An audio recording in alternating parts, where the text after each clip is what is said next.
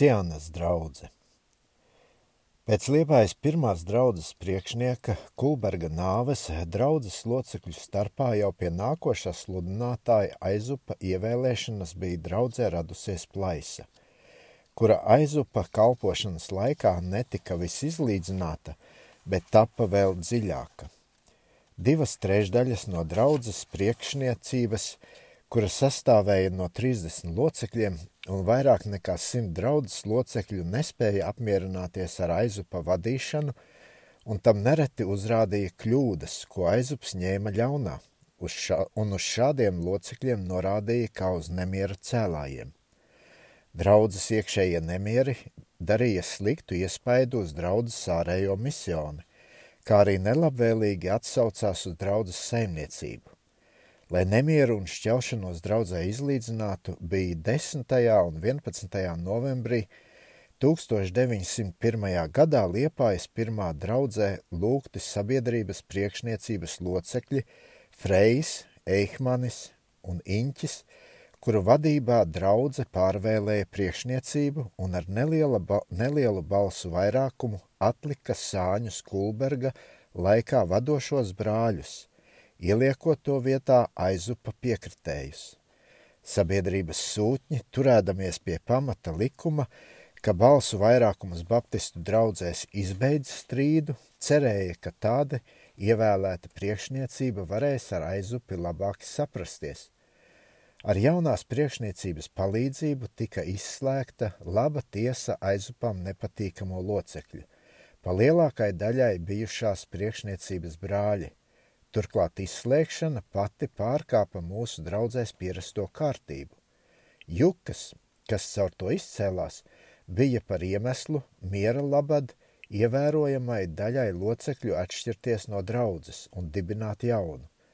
Kaut gan atšķirušos starpā bija daudz tādu locekļu, kuri ar sirsnību bija piestrādājuši pie pirmā lūkšanas nama celšanas, ko tiem tagad nācās atstāt – un meklēt jaunu sapulces vietu, bet miers taču labāks par visu.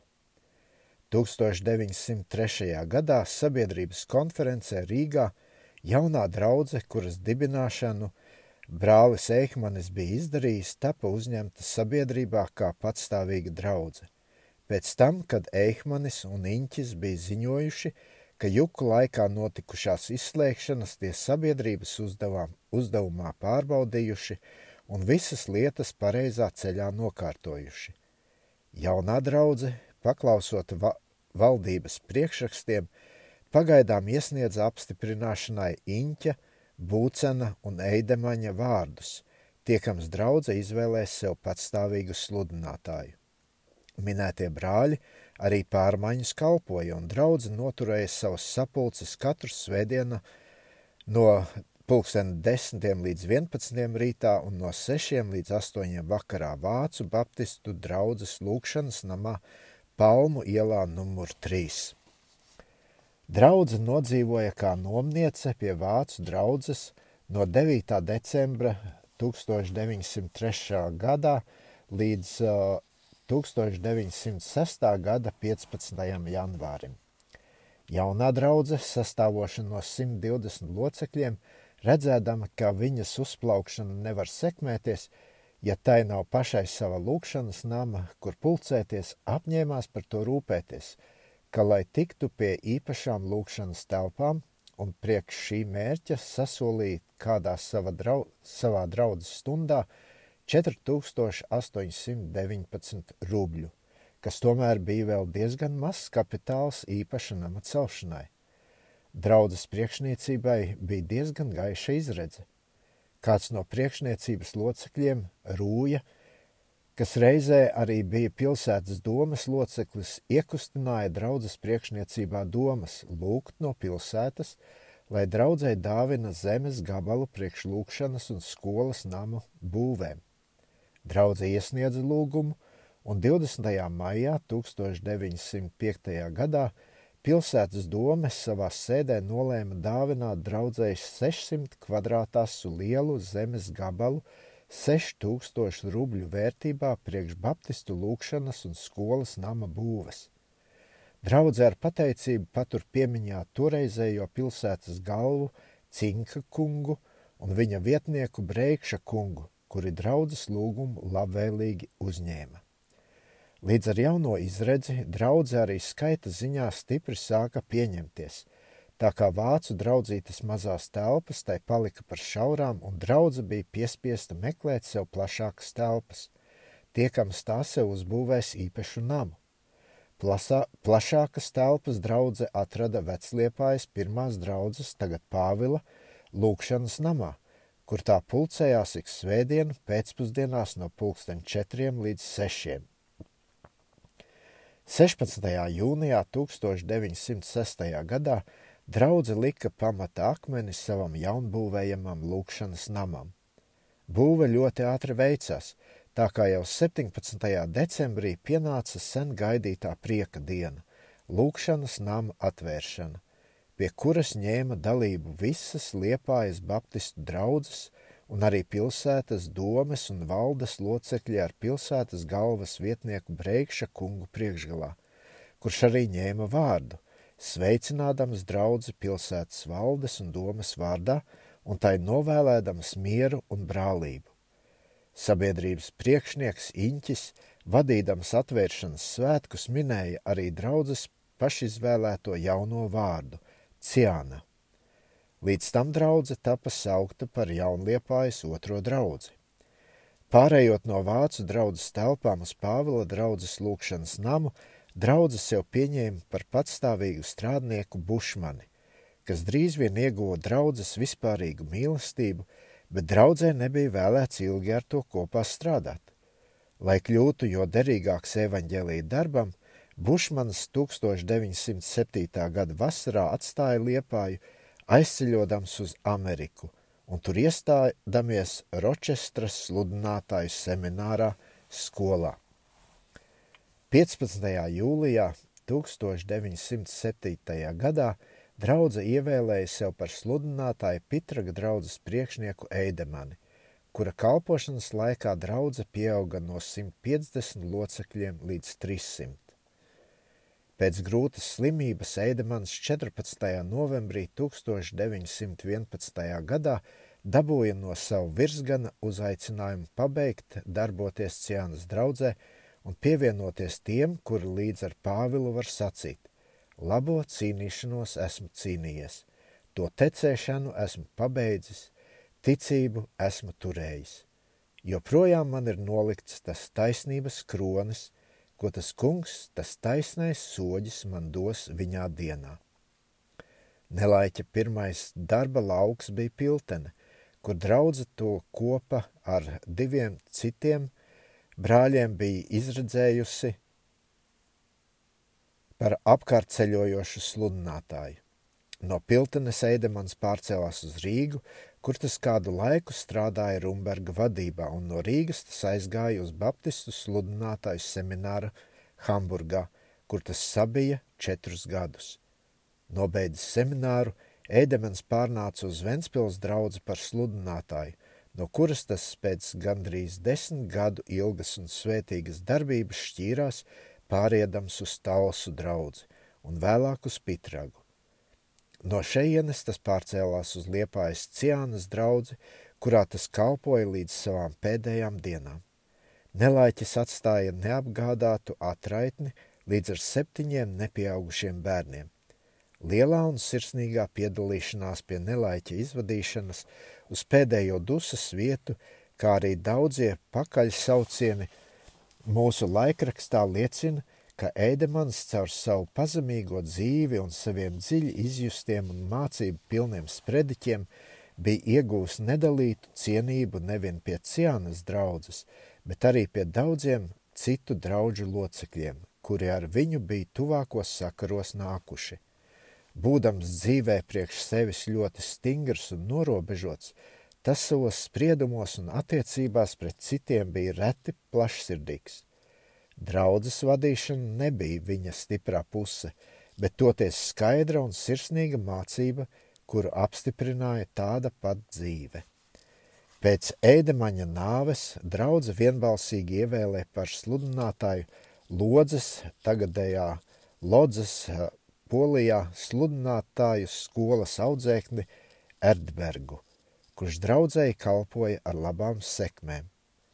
Starp draudzes darbiniekiem vēl atzīmējams draudzes komitejas priekšnieks Puzis, kas stāvējis draudzes priekšgalā visos grūtos laikos un tagad saskaņā ar reti vienprātīgo draudzes komiteju kārto visas draudzes tekošās darīšanas.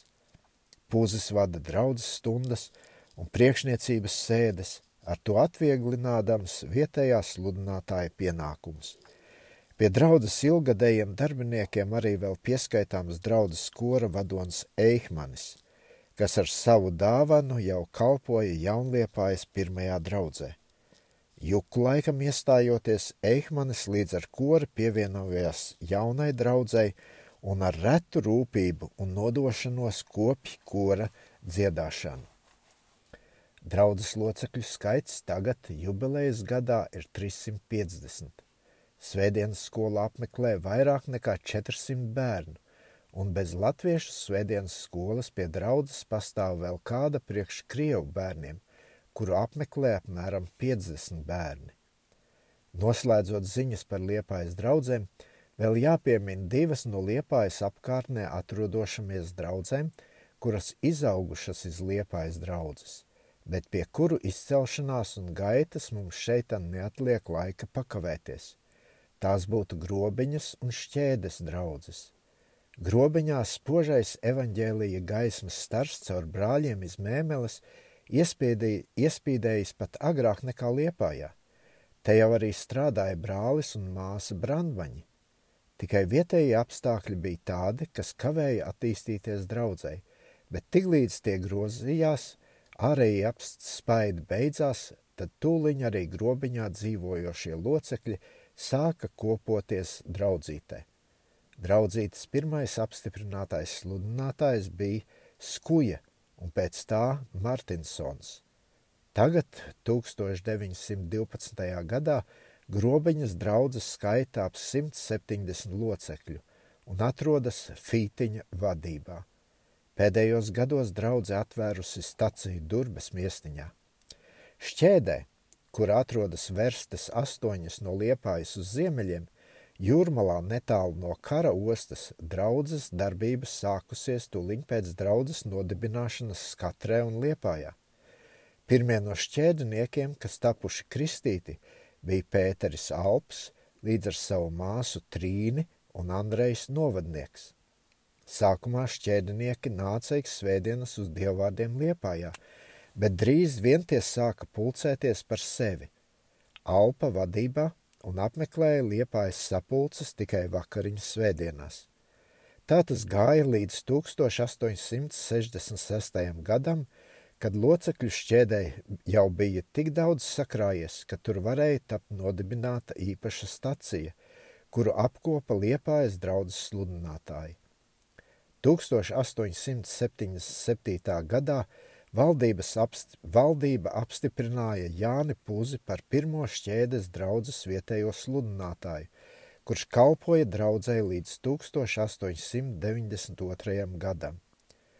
Uz puža ierosinājumu 1888. gadā šķēdes krama ciema 12 saimnieki no ciema kopīgām ganībām atdalīja 40 kvadrātāsis lielu zemes gabalu – un to dāvināja vietējai baptistu draudzītei priekš lūkšanas nama celšanas. Nākošā gadā draudze ar dieva un labvēļu palīdzību uzcēla glītu lūkšanas namu, kurš pēc trīs gadiem jau arī bija pilnīgi brīvs no parādiem. Pēc puža pārcelšanās uz Liepāju šķēdes draudzes vadīšanu uzņēmās kapsēdes buņķu mājas saimnieks Kārlis Jaunzems, kura vadībā draudze – vēl tagad atrodas. Kuldīgas un Turlavas draudzes. Pirmās vagas Baptistu draudzes laukā Kuldīgā un apkārtnē dzītas no kāda jauna cilvēka, krēslu taisītāja Jāņa Jansona iz Liepājas. Jansons dzīvodams Liepājā bija apmeklējis pirmās sapulces, kuras tur 50. gadu beigās noturēja Brandmanis, Meijers un Nīmets, un tajās bija ticis pamodināts uz jaunu dzīvi.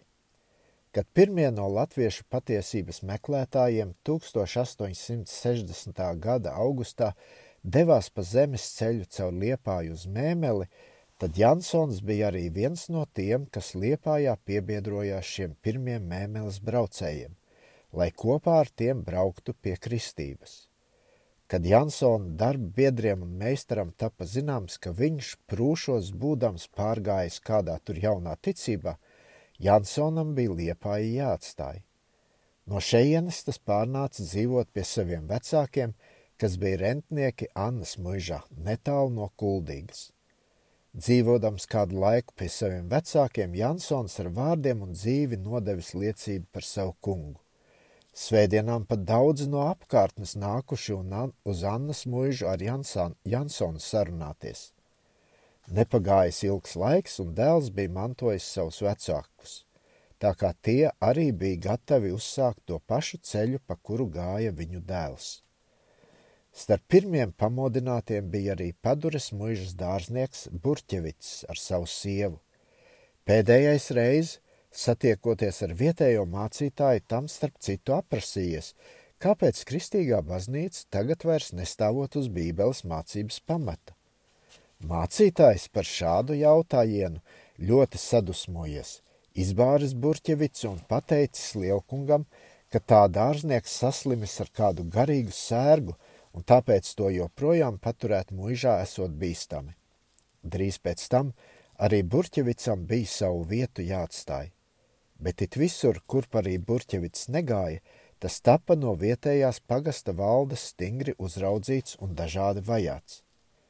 Kad viņa sievai tajā pašā laikā piedzima bērniņš un tēvs to liedzās nest baznīcā nokrustīt, tad tiesa abus vecākus uz dažām dienām ielika cietumā, un pa to starpu esot gādāts, ka bērns ticis nokrustīts. Tiklīdz Annas muižas baronam nācis zināms, ka viņa rednieks Adams Jansons taisās pāriet svešā ticībā, tas to iz Annas muižas izraidījis. Tomēr sapulces nav apstājušās. Tās turpinātas Langu mājās, sausgaļos, kādā ķoniņu ciemā. Tur bijis drošāk, jo paši ķoniņu māju saimnieki, kā jau brīvi ļaudis, bija arī tos laikus paši savās mājās kungi. Jānim Jansonam nav bijis lemts ilgi strādāt kuldīgas apkārtnē. Pēc dažiem gadiem tas piepeši miris, zirgiem trakojot kritis no siena vezuma un bijis beigts. Kuldīgas vecajiem brāļiem un māsām Jansons palicis dārgā piemiņā. Viņš bijis vārdos un darbos īsti priekšzīmīgs un pildīts ar sirsnīgu mīlestību uz savu glābēju. Bez Jansona kuldīgas apkārtnē vēl daudz strādājis Ādams Ģertners, kad tam no 1864. līdz 1866. gadam bija jādzīvo kuldīgā policijas uzraudzībā – Lai gan uzraudzība bijusi ļoti stingra, jo ģertneram brīžiem bijis jārādās policijai četras reizes dienā, tomēr tas pratis izlietot starpbrīžus, tajos izbraukdams uz apkārtni, lai noturētu dievvvārdus kristītu un dalītu vakariņu. Bieži vien ģertnerim no policijas nākot, uz to jau ārpus pilsētas gaidījuši rati, kuros tas aizbraucis uz kādu at no attālākām vietām lai tur darītu to, uz ko spieda viņa zināmā sirds. To novērojusi policija, bieži vien ģertneram pārmainījuši rādīšanas laiku, tā kā tam bijis policijai jārādās dažne dažādos laikos, brīžiem pat 11. naktī un 4. no rīta. Šajā laikā sapulces noturētas dažādās vietās apkārtnē un daudzreiz arī zem klajas debes, mežos un gravās. Reiz kādu no šīm sapulcēm pārsteiguši pilsties sierēģi. Tie atņēmuši sapulcētiem dziesmu grāmatas un taisījušies ģertneri apcietināt, bet sapulcēni tam pretojušies teikdami, ka tie visi gribot ierasties pilstiesā, ar ko tad arī ierēģi bijuši mierā. Izklaušanājas apcietinātos pilskungs von Bērs teicis, kas tiesa un taisnība, to viņš gan zinot izspriest, bet tā kā apcietināto noziegumu grozoties ap bībeli un ticības lietām, kuras viņš pilskungs nepārzinot, tad tas labāk atsaukšot mācītāju, lai no tā dabūtu skaidrību. Uz pilskunga aicinājumu atnācis mācītājs Freibergs, kam prasīts, kādas ierunas tas ceļot pret apcietinātiem. Mācītājs atteicis, ka tie atmetot kristību, svēto vakariņu un visu baznīcas iekārtu, pie kam gribot dibināt paši savu. Pilskungs prasīs ģertnerim, ko tas uz to atbildot. Ģertners par atbildi izņēmis jaundarību un tajā uzšķīris kādu rakstu vietu un to rādījis mācītājiem un pilskungam. Mācītāju šāda izturēšanās ļoti sakaitinājusi. Tas paķēris cepuri un aizgājis. To redzēdams pilskungs teicis, ja mācītājam nesot nekā vairāk ko teikt, tad arī viņam nesot ko tiesāt un atlaidis apcietinātos. Līdz ar to arī izbeigusies uzraudzība par ģertneri. Vēl kuldīgas pirmajiem ticīgajiem sākuma laikos bijis grūti jācīnās pret vietējiem varas nesējiem un mācītājiem. Gadījumos, kad tiem nācis savus aizgājējus paglabāt, bet par šīm cīņām rakstīsim tajā vietā, kur būs runa par mūsu draudžu cīniņiem dēļ savām tiesībām. Ap 1870. gadu sapulces no pilsētas apkārtnes tikušas pārceltas uz Kuldīgu jo tur dzīvojuši ap 15 kristītu locekļu. Pēc ģertnera aiziešanas no kuldīgas tā apkalpota no Eglīša, Jankovska un Draunieka. Pirmais apstiprinātais priekšnieks kuldīgas draudzē bijis Andrejs Fetlers. 1892. gadā Pušķevica vadībā draudze sevīm uzcēla glītu lūkšanas namu. Pēc krūzes kuldīgas draudzē kā sludinātājs kalpo Brauns. Lai gan kuldīgas draudzīte viena no vecākām, tomēr tās locekļu skaits vēl ar vienu mas tikai ap 70. Laikam gan tādēļ, ka draudzes daudz locekļi, sevišķi jaunie ļaudis, atstāja draudzi izceļodami uz citām lielākām pilsētām.